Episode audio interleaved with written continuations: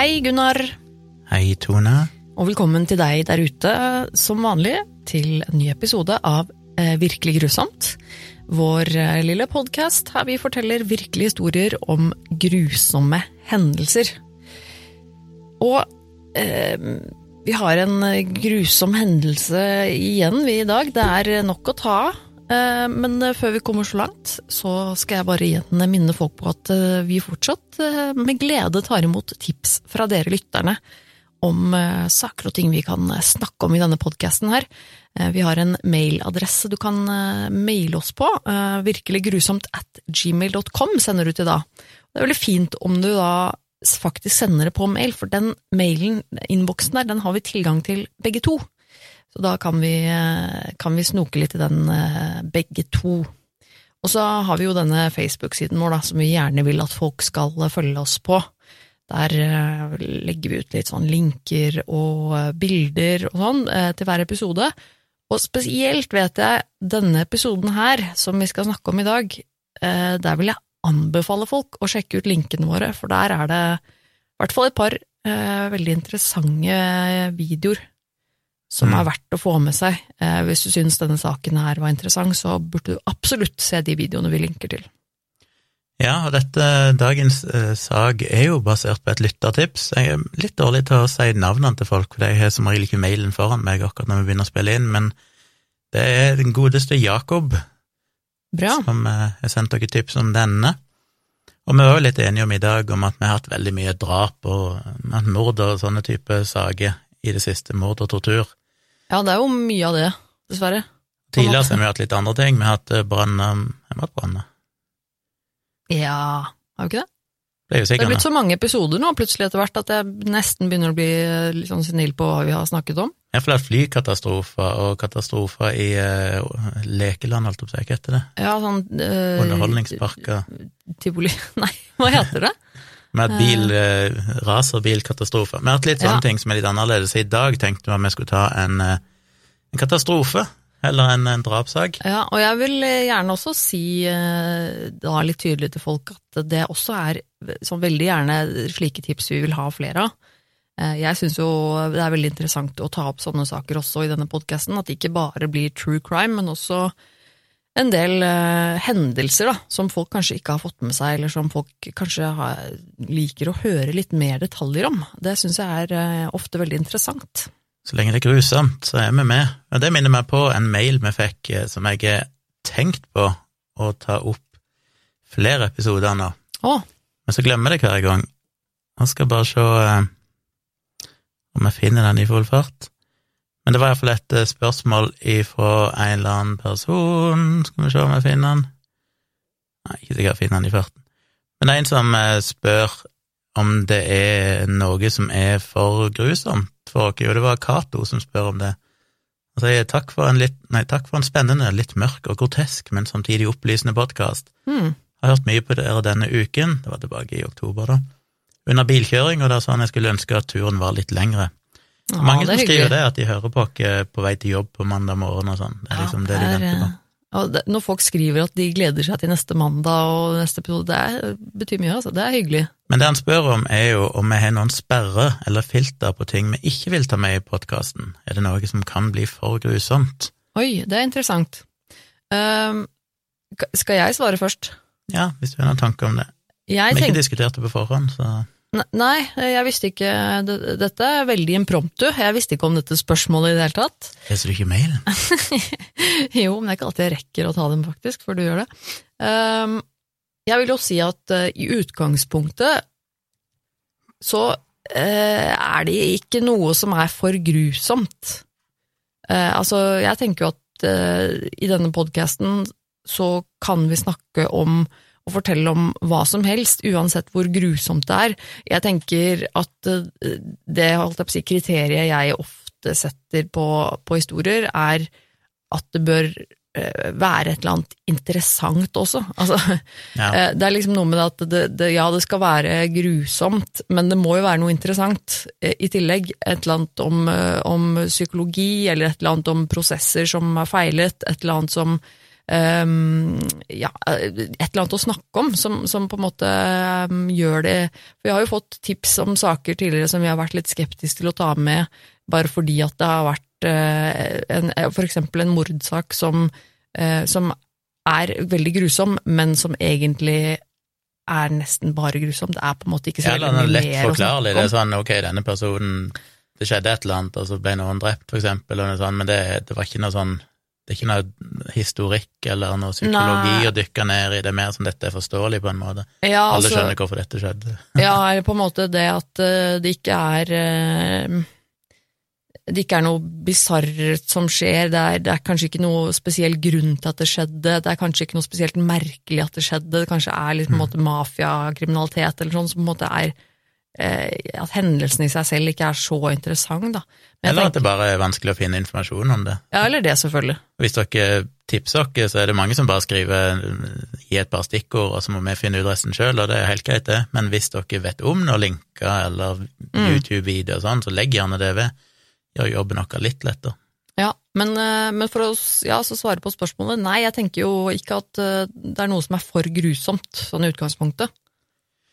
Nei, det er ikke noe som er for grusomt uh, i seg sjøl, men Mm. hvis det skulle være noe vi ikke ville snakke om, så er det vel kanskje Måtte vel være noe som uh, Hvis det er noe som er Vi har jo vært opptatt i denne podkasten av at dette skal ikke være noen sånn Selv om noen kan tro at virkelig grusomt betyr at vi snakker om spøkelser og gjenferd, så gjør vi ikke det, men vi ønsker heller ikke for mye spekuleringer, spekulasjoner. Mm. Så hvis det er en relativt fersk sak, kanskje, der det fortsatt er folk som lever, kanskje til og med i Norge, og en egentlig ikke vet hva som skjedde, eh, så er det ikke så interessant å snakke om, for da blir det sånn ok, dette skjedde, og her er masse spekulasjoner, men ingen vet.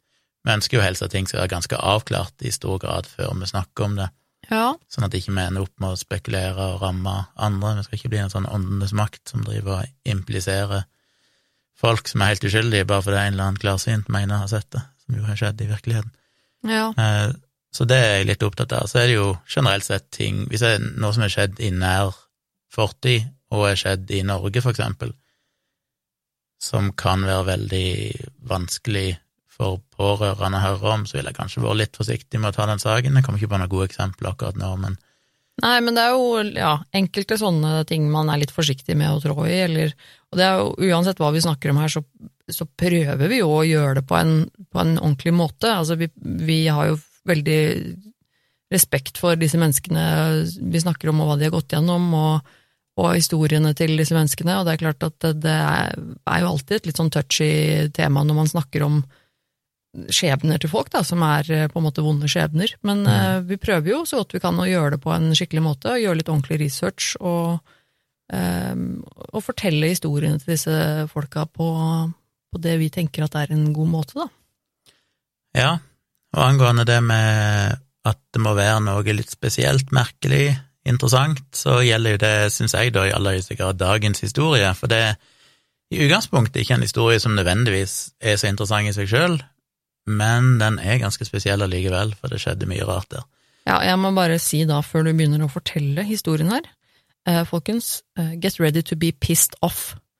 Det er i hvert fall det jeg følte da jeg eh, da jeg ble kjent med denne historien her. Eh, jeg Ja. ble ganske forbanna, rett og slett rimelig forbanna. Vi skal i dag snakke om, og det vet dere vel, for dere har sikkert sett tittelen på, på episoden, men vi skal snakke om et eh, koreansk skip som heter MV Sewol. Sewol, Sewol, Sewol, Sewol, ja. som eh, sank i 2014. Og det er jo tragisk nok, men igjen da, det, det skjedde mye, både før og etterpå, som er frustrerende. Dette her skipet, MV, vet ikke hva MV står for, det er jo kanskje tilsvarende MS i Norge, Mm. Og hva står MS for i Norge? Uh, det vet jeg jo. Jeg vet du det. Eh, Jeg, jeg, tror, jeg, jeg tror kanskje ikke jeg vet det. Nei, jeg har iallfall visst det. Jeg vet jeg har spurt, stilt det spørsmålet før og funnet det ut. Jeg gidder ikke google det akkurat nå. Det er sånn MS, og så er det RSS, og så er det alt mulig sånn ja. Aldri egentlig skjønt hva det er. Så MV er vel noe tilsvarende en eller annen betegnelse, som betyr et eller annet, tydeligvis. Men eh, skipets navn var iallfall Sevol. Ja. Koreansk skip. Det var opprinnelig et laste- og passasjerskip eh, som holdt på i Japan i perioden 1994 til 2012. Og i den perioden der så var det helt smertefritt, det var ikke noen problemer med båten, visstnok ifølge de som eide den tidligere. Men båten ble kjøpt av koreanske Chonghai Jin Marine i 2012, og de begynte da å pusse litt opp på denne båten, og modifisere den ganske kraftig, for de ville at den skulle i større grad kunne brukes som passasjerskip, så de la blant annet til to passasjerdekk, og de utvida plassen til last. Det betydde at eh, den totale vekta av skipet økte med 239 tonn, til 6825 tonn totalt. De økte også passasjerkapasiteten med 116 personer, sånn at de totalt kunne ha 956 personer, inklusiv mannskap. Og denne endringen, altså de bygde jo på to passasjerdekk og, litt sånn, det førte til at tyngdepunktet på båten ble flytta oppover med 51 centimeter, og den var heller ikke balansert sånn mellom høyre og venstre, så generelt Oi. sett så ble jo båten en del mer ustabil. Det høres jo ikke ut som en god idé. Nei, eh, men det skulle liksom være greit nok eh, innafor eh, tydeligvis eh, det de kunne akseptere, for han ble kontrollert da han var ferdig modifisert av Korean Register of Shipping, eller KR, ble godkjent av dem. Men eh, KR, eh, sånn jeg har skjønt det, dette er mye tek technicalities i, i det jeg har funnet ut her, men eh, jeg forsto det som at de da påla båten at de måtte redusere den totalt lovlige lastemengden med hele 1450 tonn, så det betyr at de ikke kunne ha mer enn 987 tonn på båten som last. De økte også kravet om ballast med 1333 tonn til totalt 1703 tonn, og ballast er altså egentlig vann de pumper inn i, i sånne ballasttanker for Å, ja. å, å bidra til å liksom stabilisere båten Stemmer, stemmer. der båten sjøl er jo trykke på ren automatikk kan drive og pumpe vann fram og tilbake og sånn for å kompensere for eventuell ustabilitet, og på av at båten hadde blitt så mye tyngre og sånn, så måtte de da jo ha mer ballast, og det var en del nye krav som ble innført. Men verken Korea Shipping Association, som tydeligvis er de der som sikkert styrer med alt av skipsfart i Korea, og den koreanske nasjonale kystvakten, de kjente ikke til de grensene. Så de visste egentlig ikke om at det var blitt innført krav om å redusere både lastemengde og, og øke ballasten. Så det ble vel da egentlig ikke fulgt. Eh, De kunne da tydeligvis bare kjøre på som de ville, uten at noen egentlig grep inn, da, fordi de var egentlig ikke orientert om disse endringene. Seinere granskinger etter denne ulykka viste jo òg at eh, denne godkjenningslisensen faktisk var basert på forfalska dokumenter.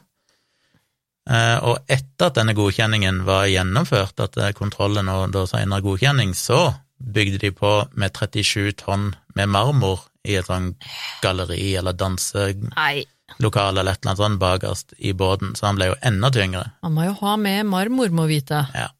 Jesus. Så det er klart, allerede fra starten her så var dette nok et litt ustabilt og potensielt farlig skip, eller ei ferje, da.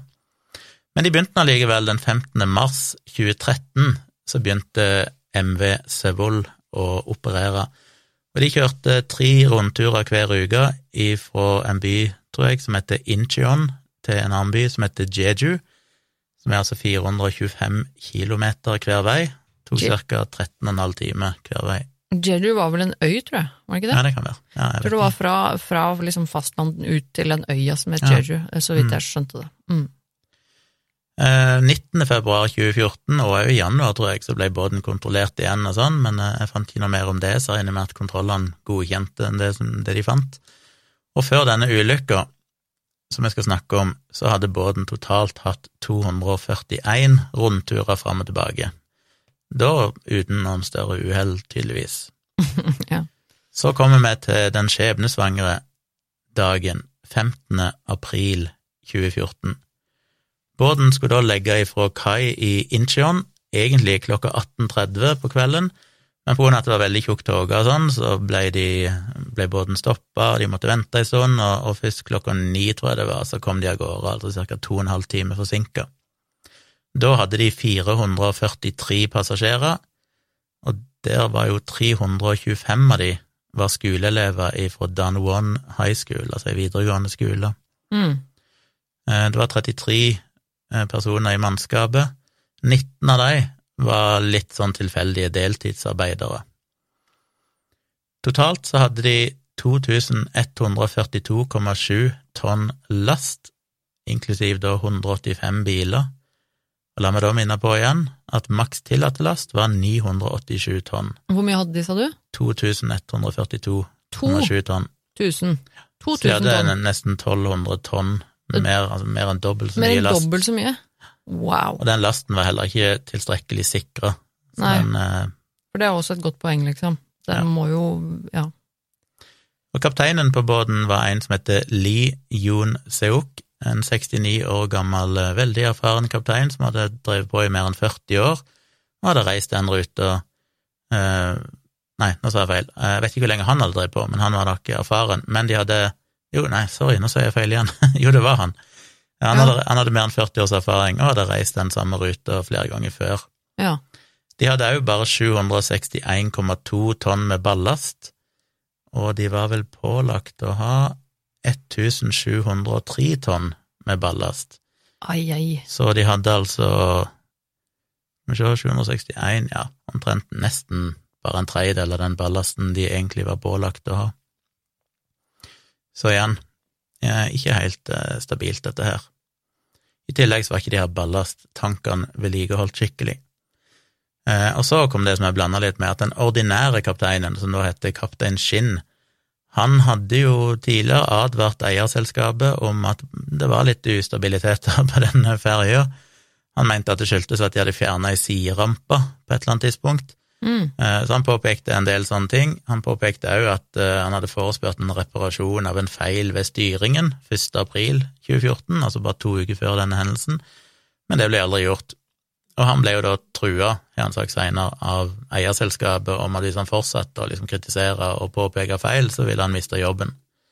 Typisk. Så det er jo alltid god, eh, god skikk å bruke. Ja, det er dårlig business, det, vet du. Å drive og bruke penger på reparasjoner og høre på folk som klager. Det skal man ikke drive med. Ja, Det er jo klassisk i mange sånne katastrofer opp gjennom historien at det ofte er en sånn svikt i organisasjonsstrukturen der de på toppen ikke liker å motta Ja. kritikk fra de lenger nede, som kanskje da sitter med den faktiske informasjonen, og derfor blir det en sånn frykt for å melde ifra om problemer. Litt Mm. sånn som altså, det er worst case Tsjernobyl i Sovjetunionen, som er liksom Mm. ekstremtilfelle av det. Og det er jo et veldig eh, sterkt hierarki eh, i eh, struktur, struktur i Korea. Mm. Det er eh, veldig, veldig viktig eh, å høre på de, de som er over deg i rangeringa, liksom, da. Må vel si Sør-Korea. Altså, sånn eh, Ja, Det sier ja. Men jeg, tror, jeg, jeg tipper det gjelder i Nord-Korea også, bare sånn. men, eh, men ja. Og Skipsregisteret, altså den organisasjonen eller offisielle myndigheten, hadde òg påpekt i denne kontrollen de hadde tidligere på året, at båten var blitt for tung og var blitt mindre stabil etter han var blitt modifisert. Så det var jo rett det kapteinen sa, men det ble jo ikke, han ble ikke nekta å kjøre, og det ble ikke gjort noe med det. Og så syns jeg jo noe av det morsomste i hele saken, i den grad det er noe morsomt her, er jo at dette eh, rederiet, eller det eierselskapet, budsjettet deres for sikkerhetstrening av mannskapet, gjett hvor stort det var? Eh, null? Nei, er du gal? Okay. Altså, de hadde, det, var, det var ikke helt Det var ikke der, liksom. De hadde, de hadde lite grann. uh, De hadde litt på budsjett. Uh, eh, De var jo ansvarlige, tross alt. 50 000 kroner, liksom. Typ. Nei, det var på to dollar. To dollar? De hadde budsjettert to dollar, sånn at de kunne kjøpe et sertifikat som sa at uh, dette var gjennomgått. Ja, selvfølgelig. Kjøpe sertifikat. Så for to dollar så fikk de kjøpt en sertifisering, da, Ah. tydeligvis, og det var det de hadde budsjettert med. Det er jo egentlig ganske smart, da. Sparer mye Fy penger på den måten. Det er helt sykt. Det er jo verste korrupsjonen-opplegget, dette her, vet du. Eh, Så de satte jo av gårde da, eh, på kvelden 15. april. Ingenting skjedde før det kom til morgenen 16. april. Da tok eh, tredje offiser, som, heter, som var ei dame, som heter Park Han Kyul, og styrmann Chu Yun Ki over vakten for de som hadde styrt båten på natta. Eh, Båten kjørte da eh, med en fart på 20 knop, altså 30, 37 km i timen. Klokka 8.20 så var båten 3-4 kilometer ifra en kanal som heter Maingol-kanalen, og Park, som da hadde ja, styringa tydeligvis, sa til styrmann Cho at han skulle bytte fra autopilot til manuell styring. Mm. Og det var veldig greie værforhold, så det var ganske rolig vind, det var god sikt og ikke noe særlig med bølger. Men denne kanalen er jo kjent for at det er veldig sterke understrømninger, så det krever en del sånn kompetanse å styre et skip gjennom denne. Ja. Men de fulgte en mye brukt rute holdt seg langt unna det som var liksom steiner under vann og sånn, og grunt vann, så de, de kjørte ei trygg rute, så det var ikke noe problem. Og Park hun hadde flere ganger kjørt denne ruta før, med et annet skip, så hun var godt kjent med farvannet. Eh, på dette tidspunktet, når de nærmer seg denne kanalen, så viser jo da bilder fra overvåkingskamera på skipet at rundt klokka 08.40 da, så kan du se at det er studenter rundt på båten, de er i kafeteriaen, de serverer frokost i kafeteriaen, noen av de er på dekk og sosialiserer, og alt er som normalt. Mm. Men så skjer det jo noen ting som ikke er helt avklart i ettertid, og som er litt sånn uh, skipstekniske, for at jeg gidder å gå inn i detaljene, men det ble gitt noen kommandoer fram og tilbake. Kaptein Lee han var jo ikke på brua akkurat da, han var nede i sin private kabin, men det var altså Park og Cho som hadde kontrollen, og det ble gitt beskjed om å endre kursen litt, og så ble det gjort, og så ble kursen endra litt til, og så tror jeg det var et eller annet med at båten begynte å krenge litt, og der begynte å krenge mot høyre, så derfor, selv om de svingte mot venstre, så fortsatte egentlig båten mot høyre, og så ble det da styrt enda mer mot venstre. Så det var litt sånn uenighet om hvem som hadde ansvar, og hvem som sa hva, og hvem som gjorde hva, men resultatet var nå iallfall at disse korrigerende manøvrene førte egentlig til at båten bare tippa, eller krenga mer og mer over, Mm. mot høyre. Som igjen da føltes en sånn kjedereaksjon, selvfølgelig, med at den dårlig sikra lasten begynte å trille og velte mot innsida av lasterommet, og skipet mista etter hvert all kraft og mulighet til å sjølkorrigere, den, hadde jo altfor lite ballast, så det var ikke så mye han kunne gjøre. Eh, så ganske fort så tippa han såpass mye over at vann begynte å fosse inn gjennom ei åpen sidedør og denne påkjøringsrampa. Klokka 8.50, som bare var ja, i så mange minutter etter de gjorde disse manøvrene, så tippa båten allerede hele 30 grader mot den ene sida. Det er ganske mye, altså. Det Det er da merkbart. Ja, det merker en. Eh, Kaptein Lee, kaptein Lee, som da altså var i sin private kabin, han merka at den her er noe galt, så han sprang opp på brua, og ganske kort tid etterpå så kom resten av mannskapet opp, eller iallfall de som hadde ansvaret for å styre båten. Og på et eller annet tidspunkt der så ble jo motoren stoppa av Cho. Det er ikke visst i ettertid om han fikk beskjed om det, eller om han bare gjorde det Mm. av egen vilje, men eh, ganske kort tid etterpå så ble det beordra en full evakuering av maskinrommet. Så ja, Av de, maskinrommet, da, kun, vel å merke. kun maskinrommet, de som jobba der nede. Mm. Eh, og hun eh, Park, hun, hva var det, hun var tredjeoffiser, Mm. hun sto og grein av sjokk over Oi. alt det som pågikk, og det var liksom ganske mye kaos da fram til klokka 09.06. Eh, og da eh, hadde ikke skipet noe motorkraft, de hadde slått av motorene, så de begynte egentlig bare å drive sidelengs i strømmen, og ettersom de hadde slått av motoren og sånn, tror jeg, iallfall strømmen gikk på et eller annet tidspunkt, og lysene slo seg av. Så jeg går bitte grann eh, tilbake i tid, til 0852, eh, omtrent da dette her begynte å skje, når båten begynte å krenge, så ble det gitt beskjed til passasjerene om at alle skulle holde seg rolige, bare bli der dere er, for det kan være farlig å bevege seg i båten. Og her er det jo videoer dere kan se hvis dere vil, som jeg skal lenke til, men her, dette er jo en såpass ny hendelse, 2014, og det er snakk om mange skoleelever, hundrevis av skoleelever, og du kan tenke deg at de hadde mobiler. Mm. Eh, Det er iallfall én video jeg så, det er jo noen dokumentarer sånn som er klipp, men det er én video som varer ganske lenge, som viser mobilopptaket ifra Jeg tror det er bare én, muligens to mobiler fra to av de skoleelevene som var der, som driver og filmer inn i kabinen der de ligger, og, men det er jo liksom Jeg kan jo skjønne det, folk skjønner jo ikke helt hvor alvorlig det er, men de sier jo flere ganger sånn shit, skal jeg dø nå?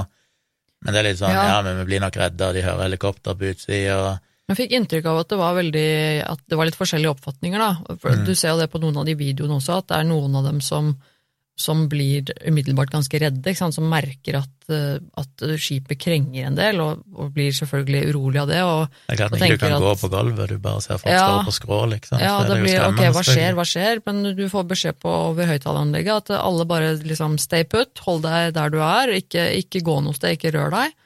Eh, og, og så hører du også nå er det noen andre som eh, spesielt liksom ungdommer og barn som begynner å tulle, da, ikke sant, og så bare 'Å, dette var morsomt', og Ja. eh, som syns det er ikke sant, Som tuller, tuller med det. For man, man vet jo ikke hvor alvorlig situasjonen er. Det eneste de har fått beskjed om på dette tidspunktet her, var jo at bare hold dere i ro, basically. Det var det de fikk beskjed om. Fikk de også beskjed om å ta på seg livvestene sine? Ja, Etter hvert så fikk de jo beskjed om det. Det, det er jo Ja. trist å høre når det er noen som sier litt sånn litt sånn halvspøkefullt, men sikkert med en undertone av litt sånn eh, desperasjon og, og realisme. At det er sånn, å shit, det er jo så mange sånn anime-tegneserier jeg fortsatt Ah. skal fullføre hjemme, og, oh, og etter hvert så begynner de å snak, liksom, fortelle folk i familien at de er glad i de og sånn, Mm. og bare sånn for sikkerhets skyld på disse mobilopptakene. Mm, hører en som sier sånn 'mamma er glad i deg, pappa er glad i deg', Mm. og nei, uff.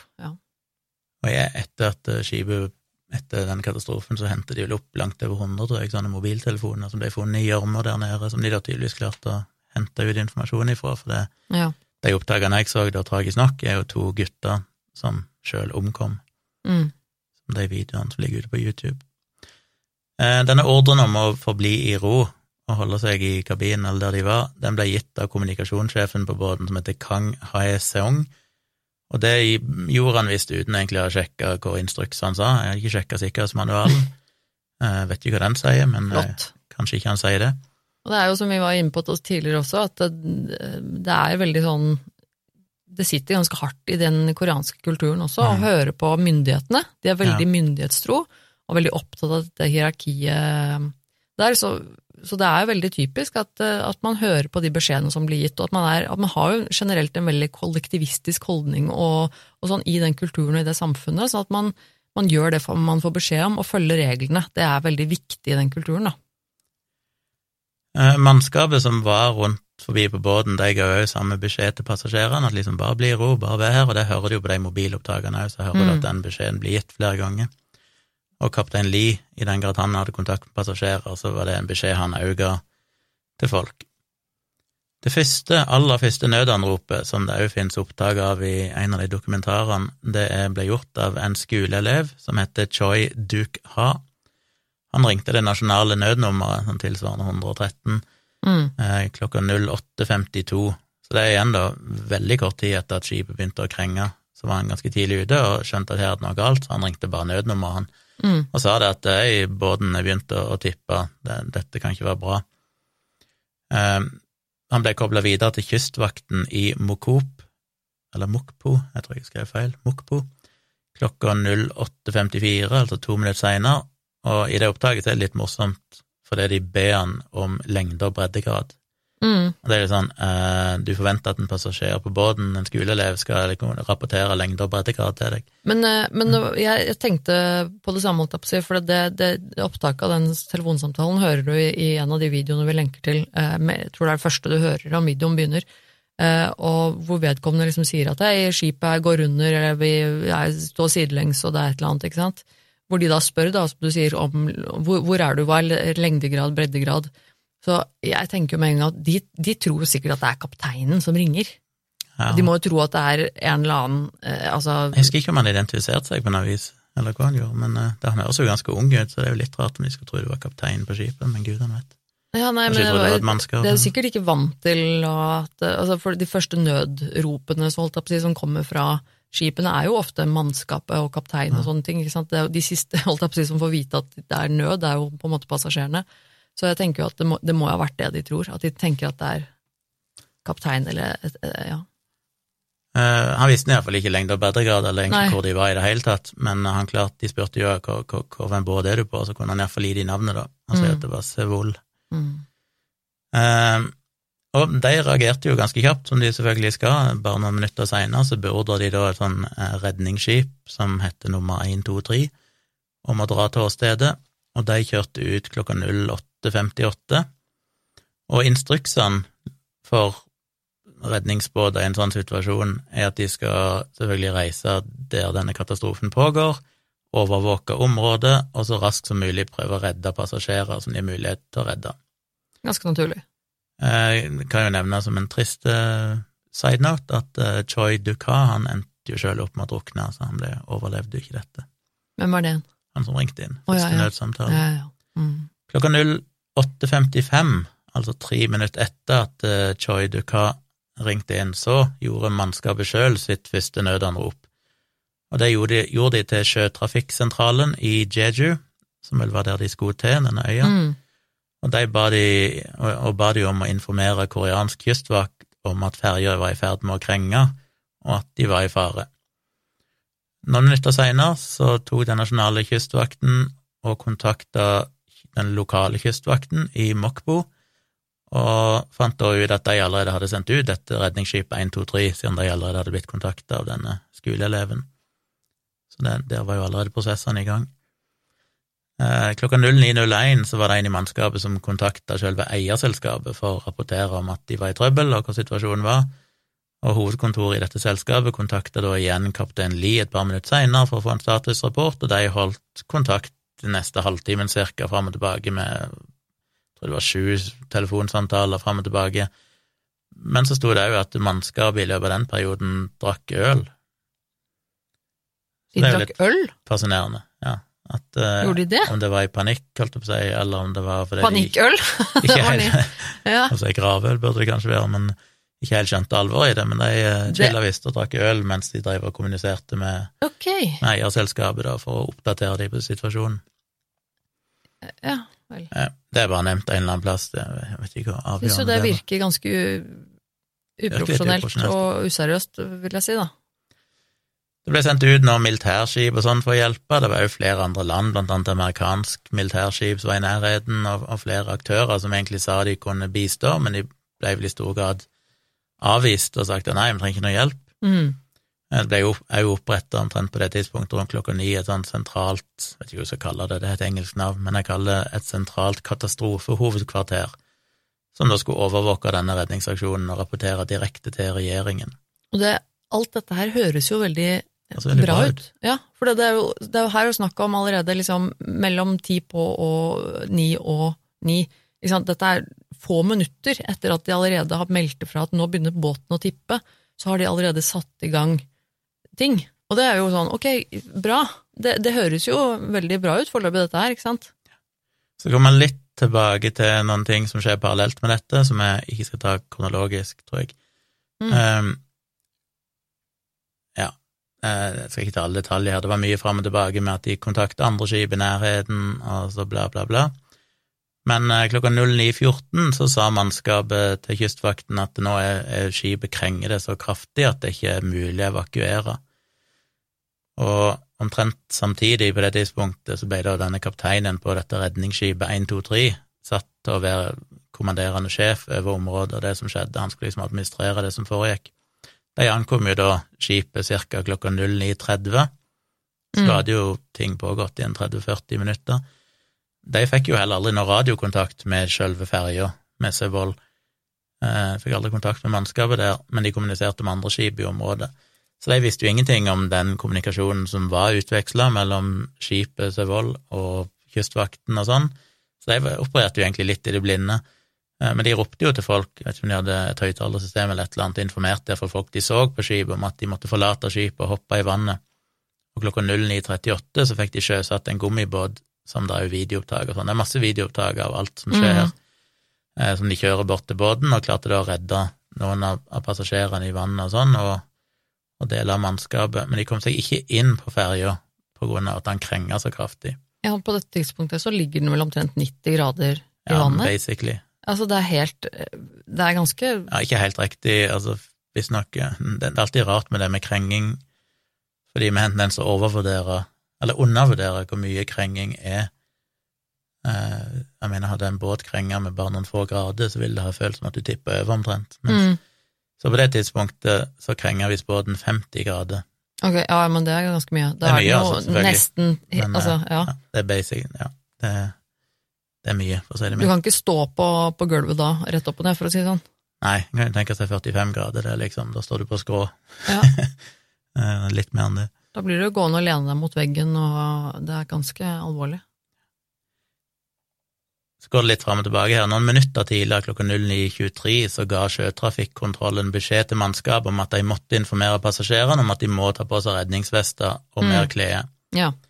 Og da svarte mannskapet at kommunikasjonsutstyret var ute av drift, men de fikk da streng beskjed om at da får dere gå rundt og informere passasjerene personlig.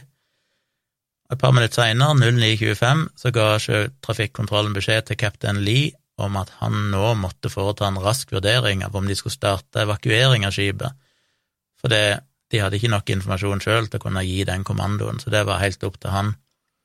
Han svarte da med å spørre hva er status på redningsaksjonen, og fikk beskjed om at jo, det vil komme redningsbåter i løpet av ti minutter, eller om omtrent ti minutter, og det er et helikopter som er der om ett minutt. Men han sa at det er jo altfor mange passasjerer til å redde med et helikopter, så det hjelper jo ikke. Men så ga han da beskjed til alle passasjerene på nytt om at bare får bli i kabinen Åh. dere, bare hold dere i ro der dere er. Um, Nei, for all del, bare, bare Det er ikke så far... Det, det, åh, øh, jeg, ja. Men så var det ikke mer enn noen få minutter seinere, så ga han vel egentlig en kontrabeskjed, eh, visstnok. For klokka 09.30 så skal han visstnok da ha tatt en ordre om å evakuere skipet. Jaha. Men kommunikasjonssystemet virka jo ikke. De hadde vel en sånn intercom, jeg vet ikke helt hva som er forskjellen på det, de fikk gitt nå beskjed via en intercom, Ja, da går det vel bare til det er kanskje bare til andre mannskap. Ja, blir det ikke det, da? At Ja. til visse punkter i båten som, Ja. som kan høre det. Jo det er jo ikke på en måte det samme som et, eh, et høyttaleranlegg. Nei. Så det er jo sannsynlig, eller det er ikke noen tvil engang, om at da veldig mange passasjerer aldri fikk den beskjeden om å evakuere. Men de hørte jo ikke det. Og det er snakk om så mange mennesker som bare da, som bare stay, stay put. Det fikk de beskjed om. Ja, ok, men så gjør de det, da. De sitter jo bare og venter inne på kaitene sine, på rommene sine, der hvor de er, liksom. Og dette er jo snakk om Utrolig mange av dem var jo videregående skoleelever, ganske unge ungdommer, da. Ja. Og de sitter jo bare og venter de på beskjeden de skal få. De fleste passasjerene, 325 av 400, hva var det, 3 eller sånn, var jo For barn. Ja. Og det er jo helt Altså, nei, ja. Og der, der sitter de, og så ser du på disse videoene at de har jo tatt på seg redningsvestene sine, mange av disse menneskene, og så sitter de jo bare i denne stadig mer krengende båten, da, som Mm. til slutt helt, ligger helt over på sida, ikke sant, og de vet jo De har jo ikke fått noen beskjed om noen ting. Og til og med lærerne selvfølgelig òg lytta jo til de beskjedene de fikk, Ja. og ga beskjed videre til elevene at nei, vi har fått beskjed om bare bli her, liksom, så bare bli. Det er helt Men de satt jo med redningsvester, de var jo egentlig klar. Og det som også var så utrolig sånn skremmende, holdt jeg på å si, haunting, hva heter, man, hva heter det på en måte på norsk når det er sånn, er sånn eh, Når du ser på de opptakene av helikoptre og, og sånn, som, fordi de kommer som sagt Mm. ganske kjapt til stedet, til denne båten, som er helt tydelig på vei liksom rundt. Um, hvor, du, hvor du ser fra helikopteret, de filmer dette her med en gang, for det er selvfølgelig kjempeviktig å få dette her ut på nyhetene så fort som mulig. Det er jo det viktigste, selvfølgelig. Men ah, det ikke, du kan ikke se mennesker der. Helt og det også er helt det er altså så creepy å se. at De også melder over det liksom til hverandre på nyhetene. Sånn, hører liksom 'Hvordan er det der? Hvordan er du kommet fram? Hvordan ser det ut?' Nei, jeg ser ingen folk. Og det er sånn, det er, Du ser ikke folk Og på klokka, båten. klokka 03 09.38 så er det ikke noe mer kommunikasjon med Sevold, og så omtrent da så hopper visstnok en 150-160 passasjerer pluss mannskap over bord, og da blir jo kaptein Lee, en Cho og første og andre offiseren redda som de første klokka 09.46. Mm. Det er egentlig bare for å supplere det du sier, at det er jo da gått omtrent en time ifra kantringa begynte, Mm. og det er det som er så frustrerende. De hadde en fuckings time på seg. Mm. Hvis de bare hadde gått ut og hoppet i vannet, i det minste, så hadde de sannsynligvis overlevd, eh, de aller fleste av de. Ja. Men så er altså båten bare helt tom, alle bare sitter nede i sine kabiner Ja, alle er inne i båten, nede Ja, i altså, så- etasjene. De sitter på rommene på køytene på båten og venter på beskjed, mens båten går ned. Altså, det er Mm. helt horribelt. Det hadde på en måte vært så lett å redde seg sjøl. Og det er jo da det tragiske, om vi komme tilbake til det øyeblikk, kan bare ta resten her. Mm. Det tar jo ca. to og en halv time for båten å synke helt eh, klokka 11.18, og det er da en del videoer, så ser du bare kjølen stikke opp, ca. noen meter over havet, og ca. 20-30 meter av kjølen stikker fortsatt opp, men da er jo båten opp ned. Mm. Eh, klokka 12 så er det bare en sånn 50 centimeter som stikker opp, og klokka 13.03 så synker båten fullstendig. Og så er det jo som det ofte er, og spesielt i land, eh, ikke nødvendigvis at det skyldes landet og hierarki og, og si, manglende informasjonsfrihet. Den er jo for så vidt Sør-Korea et demokratisk vel og fritt land, men eh, det er tydelig at det ikke nødvendigvis blir gitt så god informasjon på grunn av det vi har snakket om. Så klokka 11.01, som var Ja, det var jo båten nesten helt sunket. Så ble det jo annonsert i media at alle elevene var redda. Mm. Og det fortsatte andre mediekanaler igjen i da fram til klokka 11.26. Og igjen, enda tristere, omtrent klokka elleve så sendte jo da folk ansvarlig i, i skoleverket da, i den regionen ut SMS til alle foreldrene om at alle elevene var redda. Alle hadde klart å komme seg ut, de hadde hoppet i vannet, de ble blitt redda opp av sjøen, så dette var Dette gikk jo greit. Er sånn Men så gikk jo da myndighetene, uvisst hvor mye seinere, men de gikk litt seinere ut og korrigerte og sa at eh, 295 elever er fortsatt savna. Ups. Altså det er bare sånn, Og jeg, jeg kan skjønne det, på en måte, for etter hvert så kom det jo flere båter dit, satt, mens dette skipet på en måte sank ned. eh, Så er det jo, Du kan se at det er flere båter og, og frivillige og sånn som kommer ja, til stedet stede. for å prøve å hjelpe til. Og, og for at beskjeden, nei, beskjeden om dette sprer seg jo ganske fort, og det er jo folk som er villige til å hjelpe dem. Men det som er så utrolig tragisk, er jo som sagt at disse menneskene her, de er jo allerede under vann på en måte da, i Mm. båten, fordi at de har fått beskjed om å holde seg i ro.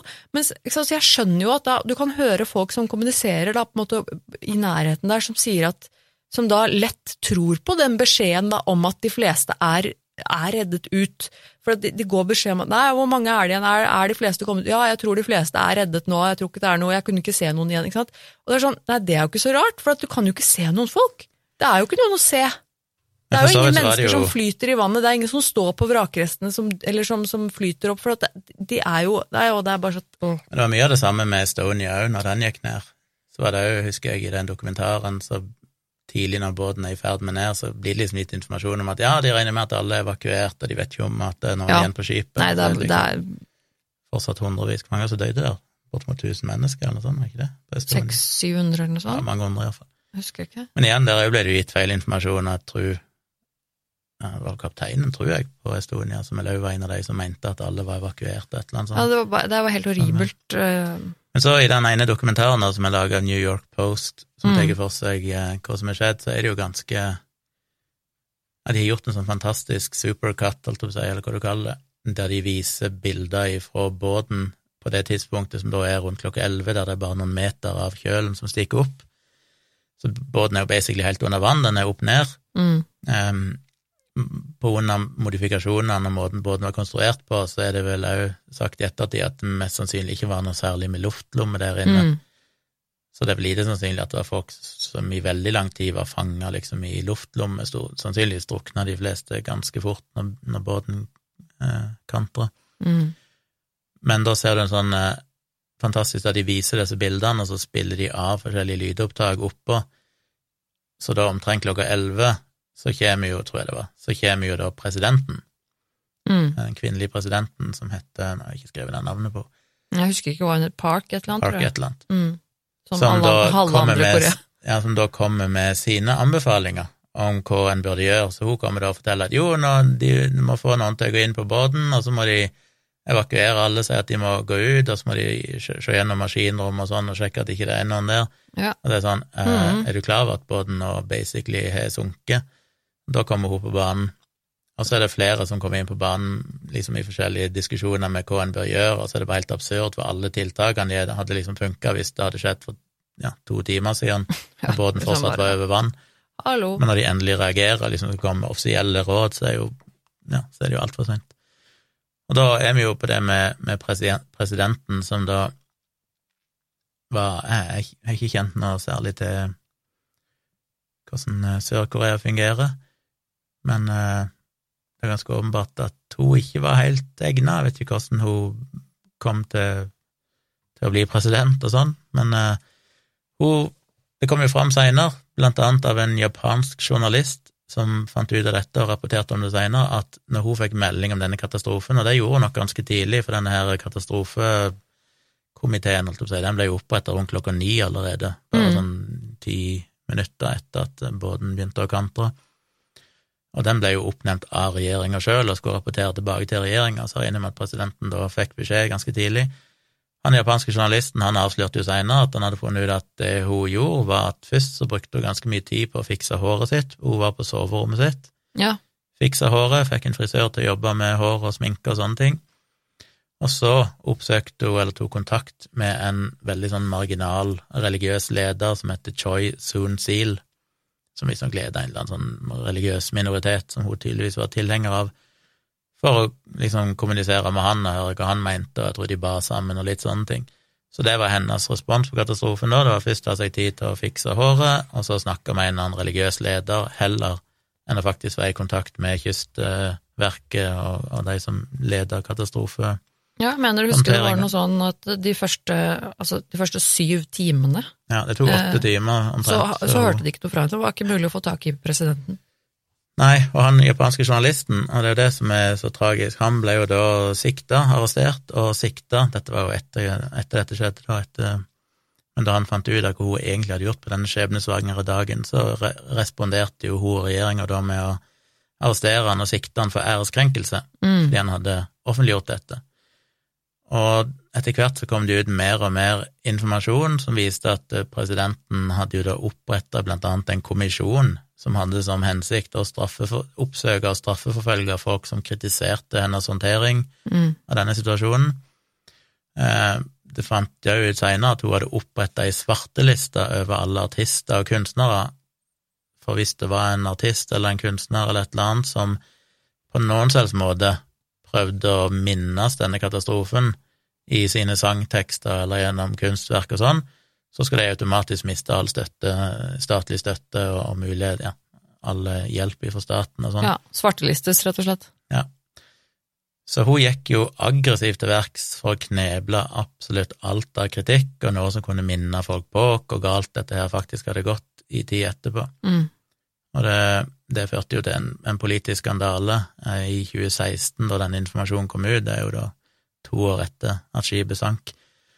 Og det var jo protester i månedsvis der folk gikk i gatene og ropte på at hun måtte ta ansvar og, og Ja, beklage og alt dette her. Ja, de, men de ville jo ha henne avsatt. De ja, krevde jo at presidenten ble avsatt. Hun ble faktisk det da hun ble avsatt den 9. desember, og da sikta blant annet for korrupsjon og Ja, og heldigvis, sånn. faktisk, da ble det jo satt ut tiltale om for korrupsjon og, og svartelisting og hele pakka, så heldigvis så kom jo det her fram, da.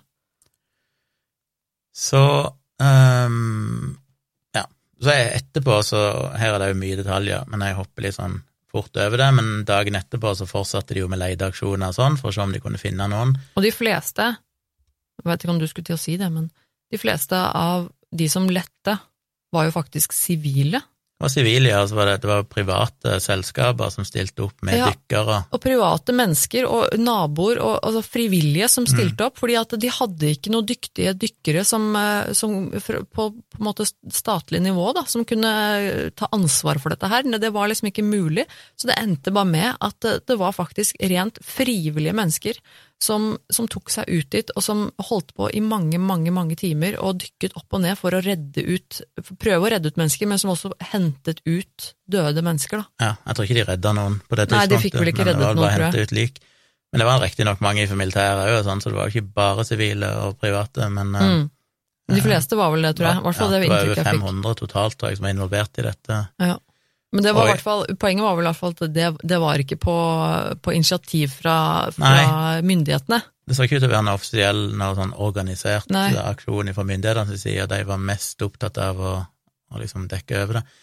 Og litt i hukommelsen nå, for den dokumentaren jeg så, altså det er noen scener der som er bare helt absurde. Eh, når de snakker, vet det var kystvakt, eh, kystvakten Jeg vet ikke om det var kystvakten i Juju som snakka med kyst, kystvakten i Makbo, eller hva det heter. I hvert fall noen sånn som kommuniserer på radio, så hører du opptak av dette.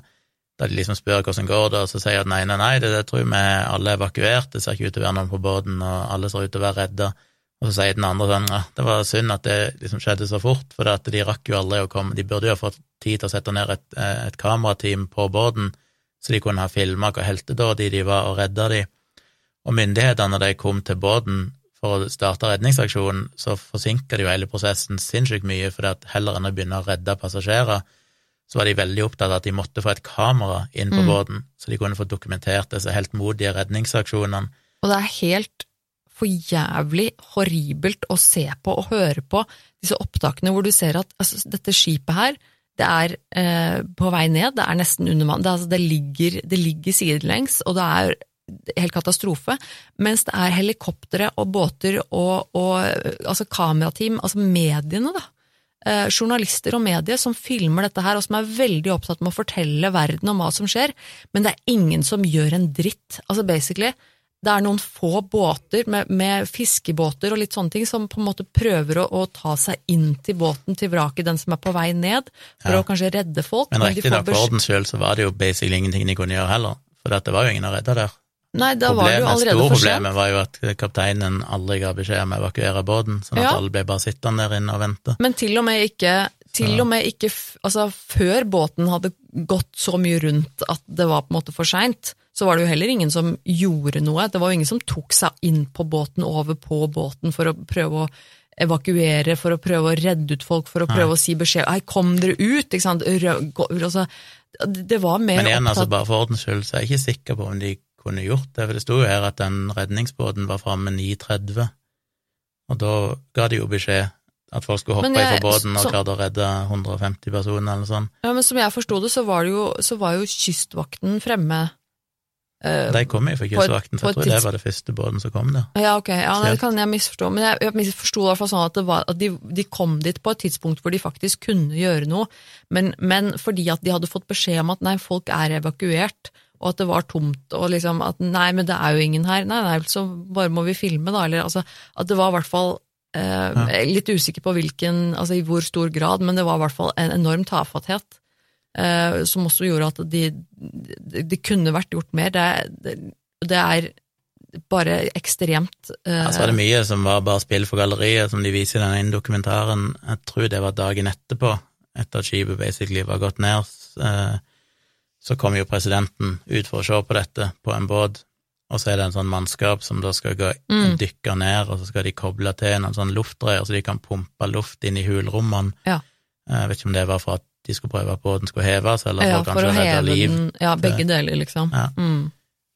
Og så, Jeg husker ikke helt hva som var greia, men det var tydeligvis at det var vanskelig og krevende forhold, og de visste egentlig at det der kom aldri til å gå, så en av dykkerne tok bare med seg denne slangen under vannet og basically bare festa den et eller annet sted på utsida Ja. av båten. Bare later som. Bare later som at det var i går, så fikk de beskjed tilbake om at ja, alt var i orden, hadde de kobla til denne, og Ja, tipp fordi fordi, det- presidenten så på, liksom. Ja, fordi presidenten så på. Det de viktigste, feile. det viktigste var jo å gjøre en god jobb foran presidenten. Siden presidenten var her, så måtte, de, måtte det se ut som alt gikk bra for seg, og at de gjorde en bra jobb, og at alt gikk bra, og at alt er bra, bra, bra.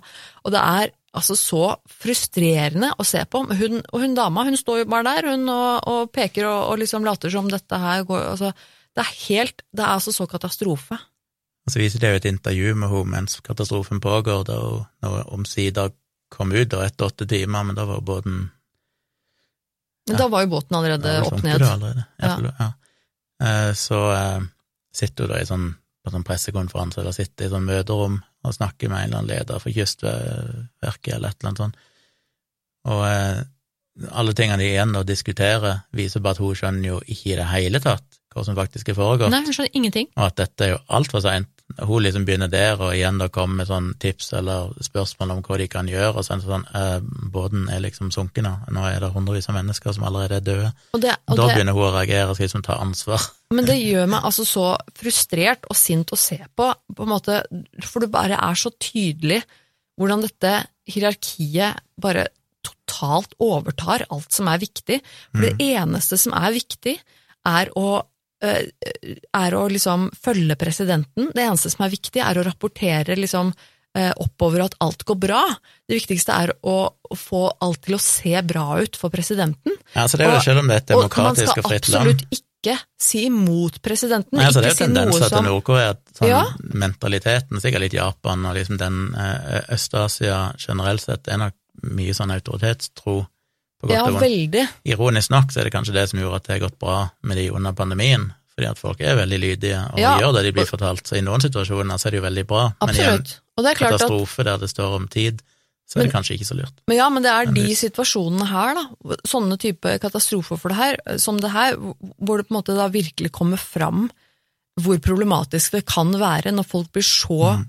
Kollektivistisk, når tankegangen blir så kollektivistisk at, at folk er ikke villige til å redde seg selv, eller redde andre, og det er så viktig at, at, eh, at man følger beskjeder overfor eh, lederen sin, og spesielt presidenten, og at presidenten og det er på en måte også måten man snakker på, og gir beskjeder oppover videre i, i systemet til presidenten, og at hun, at man skal si det på en måte sånn at hun ikke føler seg dum.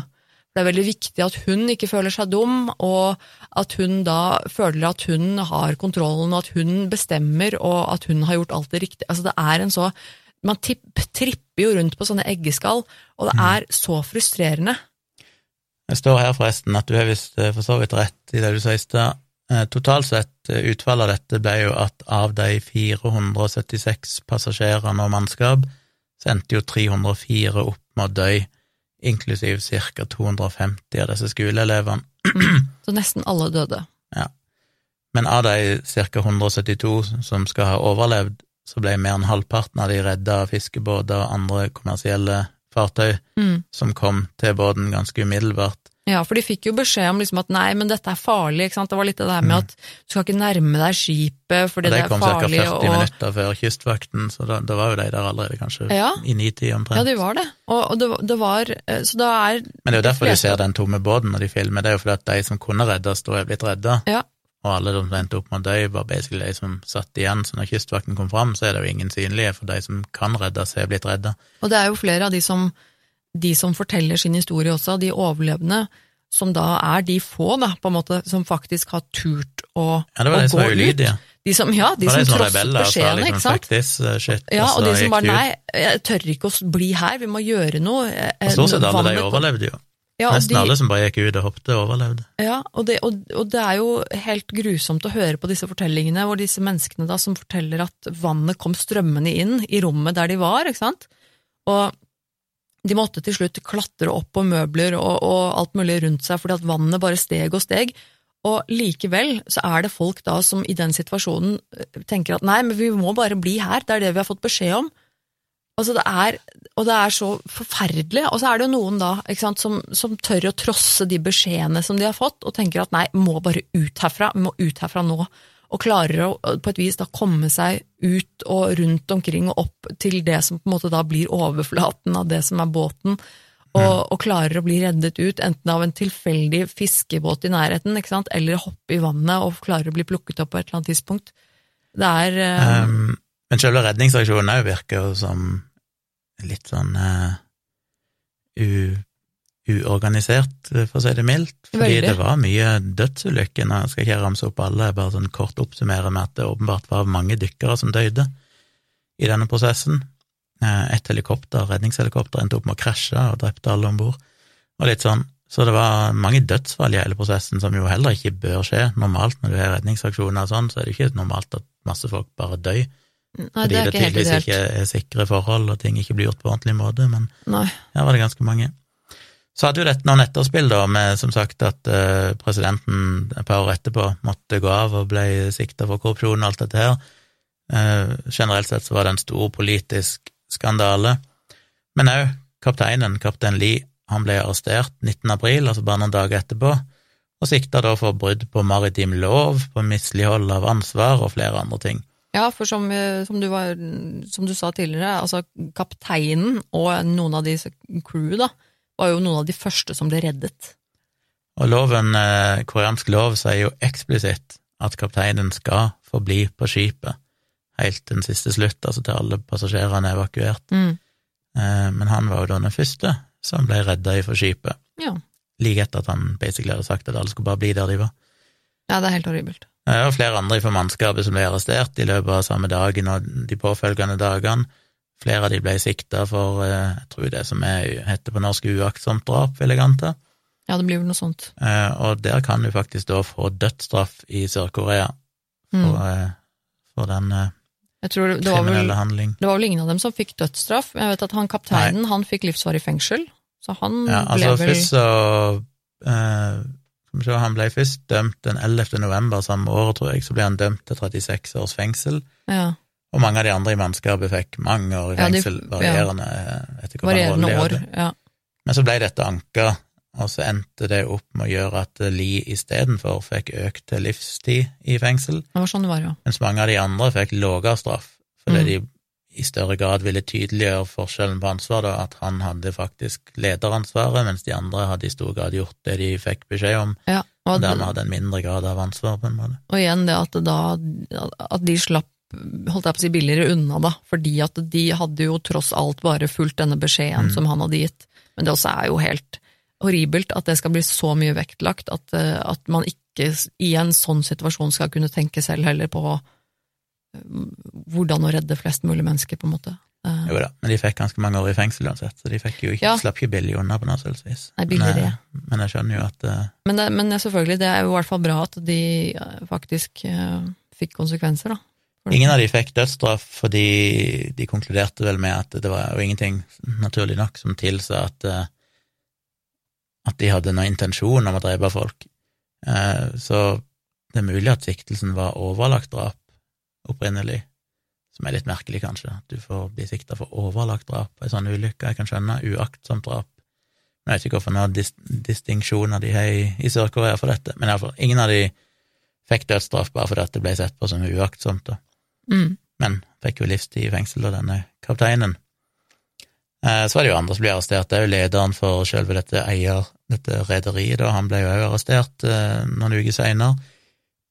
Og flere av de andre i selskapet ble arrestert. Litt usikker på hvorfor noen straffer de før fikk.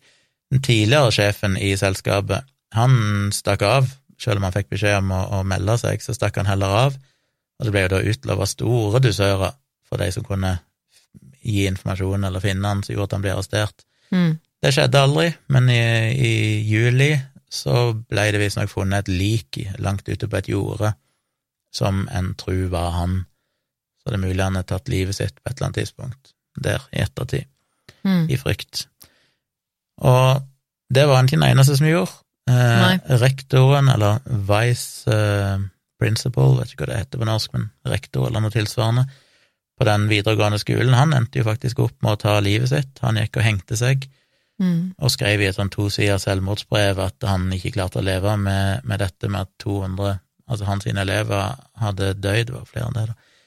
Eh, fordi han var den som var ansvarlig for å ha organisert denne klasseturen, Mm. og han fikk, følte så mye skyld for at han liksom var den som hadde sendt de av gårde på denne turen, at han ikke klarte å leve med det. Det var jo en av dykkerne som senere tok sitt eget liv, han ble så Mm. traumatisert av den prosessen med å hente ut lik og sånn, og syntes det var så grusomt, og det var jo, det er jo vært, som dokumentarer viser, det er jo vært sånn markeringer nå i flere år, nå er det jo sju år, eh, sju år siden dette skjedde, er det ikke det? Jo. Mm. Og senest i år, i april i år regner jeg med, så var det òg nye demonstrasjoner og liksom, eller iallfall markeringer, blant annet av foreldre og- etterlatte som fortsatt er veldig misfornøyd med, med måten dette ble håndtert på. Den presidenten som tok over etter Ho Park, eh, lovte jo at han skulle rydde opp i dette her og alt det der sånn, men de mener vel at han ikke egentlig har gjort det han skulle.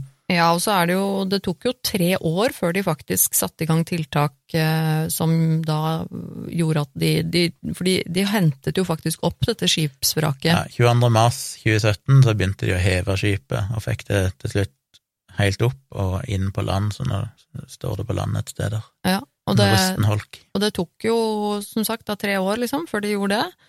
Og fortsatt nå så er det jo ikke kommet noen offisiell forklaring på hva som faktisk har skjedd, og hvorfor. Det er jo Nei, De første offisielle rapportene som kom, de bare ignorerte jo totalt all lidelsen og det som hadde skjedd. Det var en veldig teknisk rapport som bare på ingen slags måte viste noe ansvarsfølelse eller sorg eller noen ting, liksom, ifra myndighetene sine sider. Igjen, da, så bare prøvde de jo først å bare ja, late som at de gjør dette mm, Det var vel òg en eller annen, hva jeg leste en eller annen plass, en eller annen eh, Jeg tror det var et regjeringsmedlem eller sånn òg, som vel endte opp med å miste på jobben eller miste posisjonen sin fordi han vel i et radioprogram eller sånn hadde sagt at tross alt så var det jo mange flere liv som gikk tapt i trafikken hvert år. Oh, ja, okay. så dette ja, da burde så. ikke være noe sånn big deal. Oh. Og det var vel en annen som hadde skrevet en, på- en annen politiker som skrev en post på Facebook der han kritiserte folk for å kritisere presidenten.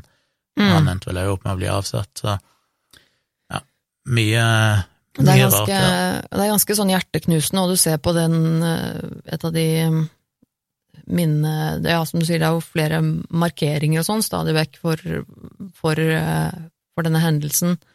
Eh, De hvor de etterlatte, da, særlig foreldre og sånn til disse barna, som, eh, som jobber på fortsatt for å få eh, få altså, myndighetene til å faktisk forklare hva som har skjedd, og for å si unnskyld, ikke minst for å på en måte komme med en offisiell beklagelse, Mm. for det har de ikke gjort. Um, og ja, det minner jo litt om Estonia, det òg. Ja, og det er, Svenske myndigheter har fått kritikk. Og det er liksom de ganske hjerteknusende å se disse samlingene eh, med de foreldrene som har har sånne kampanjer da, som dukker opp på, på, på til minnemerking, altså på eh, marinen der hvor den, den selve skipet står på kaia der. Eh, hvor de selvfølgelig er veldig fra seg og fulle av følelser og sinne, ikke minst, og, og skriker og kjefter og vil ha svar på hvorfor dette har skjedd, og vil ha en unnskyldning. og de, det er um, det er ganske ja, Det er jo blitt tatt et oppgjør òg, nå virker det som, til en viss grad iallfall hos noen, med, med denne her uh, lydighetskulturen. Der er det i hvert fall i en dokumentar vi så, så var det en Mm. lærer, jeg vet ikke hvor mange som står bak dette, men de liksom påpeker det at her må alle gå i samme skoleuniform. Det er jo veldig strenge regler for at alle må ha akkurat samme hårsveis av skoleelever. De må ha identiske sko. Så de er veldig opptatt av liksom at alle må være like og gjøre akkurat det de får beskjed om, og han hadde jo da en tale i det ene klasserommet der han fortalte elevene at ikke gjør det, men tenk kritisk. Til og med i dette klasserommet så vil jeg at dere skal liksom si ifra eller gjøre opprør hvis dere mener at noe er galt. Vi må få en slutt på den ideen om at alle skal bare sitte stille og lydige og gjøre det som lederen sier til enhver tid. At du må tenke på deg selv, du Tenk- må tenke på din egen, ditt eget liv, at det har en Mm. konsekvens, og du må ta valg som er viktig for deg i ditt liv. Så jeg vet ikke hvor vidtrekkende det er i samfunnet generelt sett, men det er tydelig at flere i hvert fall har fått øynene opp for at dette kanskje ikke er så bra, og det ble jo en, en, en, eh, en oppvekker, hele denne tragiske hendelsen.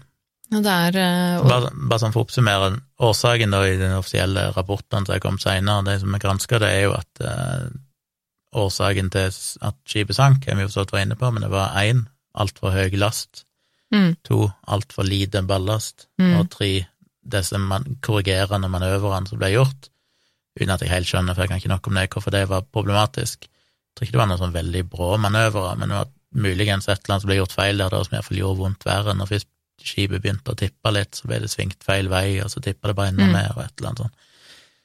Det var liksom årsakene. Det var mye konspirasjonsteorier, selvfølgelig, som det alltid er i kjølvannet av sånne katastrofer mm, og mange teorier om eksplosjoner og alt mulig, at det hadde kjørt på grunnen, og det var liksom ikke måte på, men alt det jo vist seg jo ikke stemme. Det er jo Ja. Årsaken var jo at det var et uh, skip som egentlig ikke var egnet til å være i drift, og hadde forfalska papirene og gjorde alt galt. Ja, og i tillegg så er det jo selvfølgelig den store tragedien at uh, mest sannsynlig så kunne jo disse menneskene vært reddet hvis de hadde gjort det, det riktige, fått Mm. de riktige beskjedene, og hvis folk faktisk hadde ja, handlet annerledes rundt dem her, så hadde det vært mulig å redde dem. En enkel beskjed om at organiser dere og gå sakte, men sikkert opp på dekk, liksom. Mm. Bare den beskjeden tidlig hadde nok gjort at de aller fleste hadde overlevd. Det er utrolig trist og tragisk. Ja, at eh, bortimot 300 av de var jo da unge gutter og jenter, mer eller mindre. Mm. Og de, de som overlevde, var de ulydige blant de. Ja, det er ganske ironisk. desperate. Det var jo de som var desperate, de kunne ikke sitte i ro, for det begynte å komme vann inn og sånn, men, men ja. Så det var dagens historie. Jeg Ja. håper dere ble litt klokere. Det var jo Jeg har sikkert hørt om det når det skjedde, sikkert hørt det perifert i nyhetene og lest om det, men det er klart Jeg kan ikke huske at jeg hadde hørt om det, altså. Nei, det er garantert blitt rapportert i norske nyheter, men, men det er det som er interessant med sånne saker, at du får ikke høre alt det i Nei. nyhetene. Jeg hadde jo vært mye mer interessert hvis en fikk vite alt det crazy som pågikk. Det er jo blitt laga en del dokumentarer, blant annet en, en dokumentar eller kortfilm som visstnok vant eh, Oscar for noen år siden, Å. som blant annet har ja, på en måte gjenskapt alt som skjedde, basert på videoklipp fra disse mobiltelefonene og lydopptak, og sikkert litt, litt likt den dokumentaren vi skal lenke til i shownotes, eh, men som ble laga sikkert litt mer dramatisk og sånn. Så hadde de fått prisbelønna ting, filmer, kortfilmer, dokumentarer som kom til kjølvannet av dette her. Ja, men jeg vil absolutt anbefale folk å, å sjekke ut eh, linkene. Enten eh, altså, hvis du hører på på en podkast-app på mobilen din, så eh, kan du som regel finne shownotes og linker i, i beskrivelsen i episoden et eller annet sted. Eller så legger vi ut også det på, på Facebook-siden vår, Virkelig grusomt podkast, eh, sammen med et, no, no, noen, litt- noen små bilder og, og sånn. Der finner du også linker til disse eh, korte videoene. Det er i hvert fall en, eh, en eh, dokumentar fra New York Times som var veldig bra, som var en halvtimes tid vel, som lå på YouTube, og noen andre eh, rapporter fra nyheter og litt sånne ting som eh, vi linker til, da. Vil absolutt anbefale folk å ta en titt på det. Dette her var en eh, eh, jeg vil si, det er en fascinerende sak, eh, og, det er det er trist at det kan gå så galt.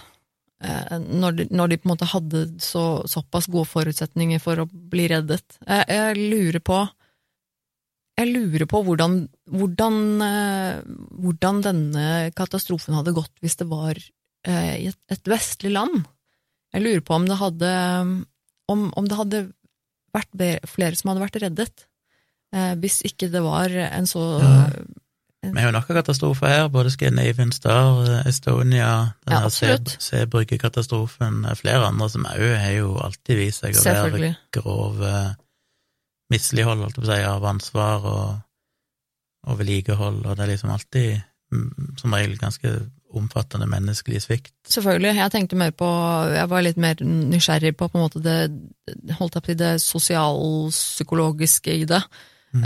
Det med at eh, den kollektivistiske tankegangen også nok sikkert ødela ganske mye for at disse menneskene tok ansvar Ja. for sine egne handlinger og sine egne liv, når de helt tydelig ser at båten er i ferd med å gå under. Eh, det at Nei, jeg tror ikke det hadde skjedd i denne delen av verden. Jeg er litt nysgjerrig på det. Så på en måte, litt at, mer alle mann for seg sjøl. ja, at det fort eh, blir et helt annen type kaos på en eh, På godt og vondt. Det kan jo selvfølgelig være forferdelig men, i noen situasjoner, men Ja, det, det er som du sa, absolutt. Sånn, en slik eh, type kollektivistisk samfunn har jo sine store goder også når det gjelder det å sette ting i system, og det å for eksempel nå under en pandemi og regler og eh, og ikke minst bare hverdagslige, sånn, sånn som i Tokyo med ja, det er fascinerende, for der ser du jo det ekstreme moteksempelet som er USA, der det Ja. individual, individual, det landet der individualiteten står sterkest, sannsynligvis i hele verden. hvordan det er mye mer er kaos. Mye, altså, vi i Europa er litt sånn på midten, da. Vi har mye individualisme, men vi har òg en sterk tro på staten, og Mm, ganske sånn eh, myndighetstro, mm, som er litt sånn på midten av, altså det er geografisk òg, av eh, Asia og USA. Og så ser du i en pandemi, så går det skikkelig dårlig i land der individualismen står sterkt, sånn som i USA. Det går mye bedre i Europa, der vi faktisk lytter en del til myndighetene. mm. Og i Og asiatiske enda land bedre i Asia, der de ja. virkelig liksom gjør alt det rette. Der har de jo det er, det er veldig fascinerende, akkurat det der, altså. Hvordan det kan i en sånn- enkelte tilfeller være en kjempefordel. Mens kanskje i en skipskatastrofe så hadde flest amerikanere overlevd, for det hadde alle bare Every man for himself. Ja, kanskje. I Det kan Europa så hadde litt færre overlevd, fordi mange hadde tatt hensyn og prøvd å redde andre og sånn. Og i Asia, I Asia tydeligvis, det, det er bare sitter de stille i rommet sitt og venter på å få beskjed om å gå ut og redde seg Mm. selv. Nei, det er, eh, Nei, det er interessant. ja, det er det. Det er fascinerende. Det er det, absolutt. Jeg håper dere derfor, likte eh, historien der ute, folkens. Ja, derfor er jo denne historien interessant, for den har sånne sider ved seg som er litt unikt. Ja, vil si det. Mer enn bare katastrofen i seg sjøl. Grusomhetsskala. Å ja, det var det òg, ja. Mm, Det hadde jeg faktisk er helt glemt. Uh, Hørte jeg minner deg på det. ja, ikke at vi skal ta det så, sånn det mest alvorlige akkurat, men uh, vi må jo rate den på skalaen vår. Jeg tenker at eh, denne ah, ja, den for, Altså, for meg så så er, så er det ganske høyt, altså. For det er, det er snakk om så mange mennesker, og det er så tragisk, og det er Jeg tror ikke de døde på en veldig hyggelig måte, disse menneskene. Eh, og det er unge mennesker. Eh, jeg tenker en eh, åtte. For jeg syns dette er Jeg blir så frustrert og sint, og det er så, det er så ekstreme svikt i så mye ledd, hvor, og det er så unødvendig. Jeg føler at det er så mange unge menneskeliv her som kunne vært reddet, og Ja. som døde på en utrolig kjip måte. Unødvendig. Ja, det går nesten kaldt nedover ryggen på meg når jeg tenker tilbake på de mobilvideoene som sikkert er tatt eh, sånn i ni-tida, vil jeg tro, etter at båten begynte å krenge en del, kanskje litt over klokka ni. Det må jo Ja. Eh, og så døde de sannsynligvis før klokka var elleve. Eh, så liksom innen en time, halvannen kanskje, etter at de filmer seg sjøl, så drukner hele gjengen som du ser på videoen der. Og det er ikke noe tvil om hva som skjer. Du står jo eller sitter i den båten, og du, du, Ja. vannet kommer inn, altså, og det er ikke noe tvil om hva som skjer. Nei, de ble jo bare fanget der inne når de først ja. fant ut de skulle evakuere, så er det jo for seint. Det må være en forferdelig måte å dø på. Så det å se alle dø rundt seg og dø sjøl og drukne, Eh, så mange mennesker, så mye grov inkompetanse, korrupsjon. Mm, ja, ikke minst de tingene der. idioten av en president, som helt åpenbart eh, var ganske grusom. Så er det jo en grusom sak. Jeg vet ikke om jeg klarer å gi det åtte, fordi det blir liksom ikke nok tortur. Men jeg, jeg, må jo gi det kanskje en jeg må nok gi det kanskje, jeg vet ikke, jeg heller nok mot en seks, kanskje. Ja, kanskje men sju. så spennende. Da er jeg veldig interessert i å høre hva dere lytterne våre syns, altså. Fordi at Mm. eh, på den Facebook-posten vår så vil vi veldig gjerne høre fra dere. Kommenter gjerne på Facebook-posten vår, eh, og litt om hva du tenkte om episoden, og hvor du vil rangere denne på grusomhetsskalaen. Det er veldig interessant eh, å høre hva dere tenker.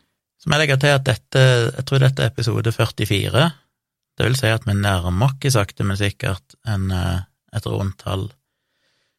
Episode 50 skal da komme om seks uker, som jo da blir rett etter nyttår, vil jeg anta, for det kan jo være vi tar skipper en episode eller sånn i juletida. Hva? Skal vi ha Så- juleferie? Ut i januar så tipper jeg nok episode 50 kommer, hvis min matematikk eh, strekker til. Mm. Og når det nærmer seg, du sier rundt juletid kanskje, så kommer vi sikkert til å legge ut en eh, gallup eller et eller annet sånt på Facebook-sida vår, Mm. der vi har lyst til å, eller kanskje ikke gallup, men iallfall en, en post der vi ønsker at dere skal kanskje rangere de verste episodene, altså de verste i, i for, forstått som de beste, altså de mest grusomme. Gøy. da. Ja. Vi må ha en sånn rangering etter de 50 første episodene. Hva er de tre, for eksempel, favorittene dere har? Ja, det er litt eh, spennende. så tenk litt på det, begynn å tenke litt på det allerede nå, og det kommer jo noen episoder til innen den tid. Men eh, når den tid kommer, følg med på Facebook-sida vår, og bli med og kommenter, og så kan vi jo ha en liten sånn ja, nå kaller jeg det en offisiell, ikke uoffisiell, men rett og slett en offisiell kåring Mm. et eller annet sted ute i episode 51 eller noe sånt. Det kan vi gjøre, det, det er morsomt. Og jeg tenker kanskje at episode 50 òg kan bli en litt sånn Nei, sånn var det vi hadde tenkt å gjøre det. Episode 50 blir en gjennomgang.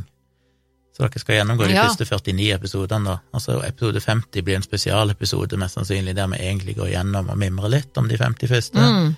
Eh, Kårer de kanskje tre eller fem eller ti verste historiene. Det blir mye jævelskap. Ja. Så det blir en liten eh, ekstraordinær eh, jubileumsepisode da, på nyåret. Så er dere forberedt på det, men det er egentlig bare for å minne dere på at eh, følg Facebook-sida vår, så dere òg kan være med og stemme. Uansett, eh, mye å glede seg til. Eh, send oss tips til saker på virkelig virkeliggrusomt at gmail.com hvis du har tips til oss, eller en tilbakemelding for den saks skyld. Så må vi igjen da selvfølgelig bare takke til alle våre fantastiske, kule og engasjerte lyttere der ute. Og ja, takk igjen for at du hørte på denne episoden. setter vi stor pris på. Vi høres igjen om ei uke. Ha det.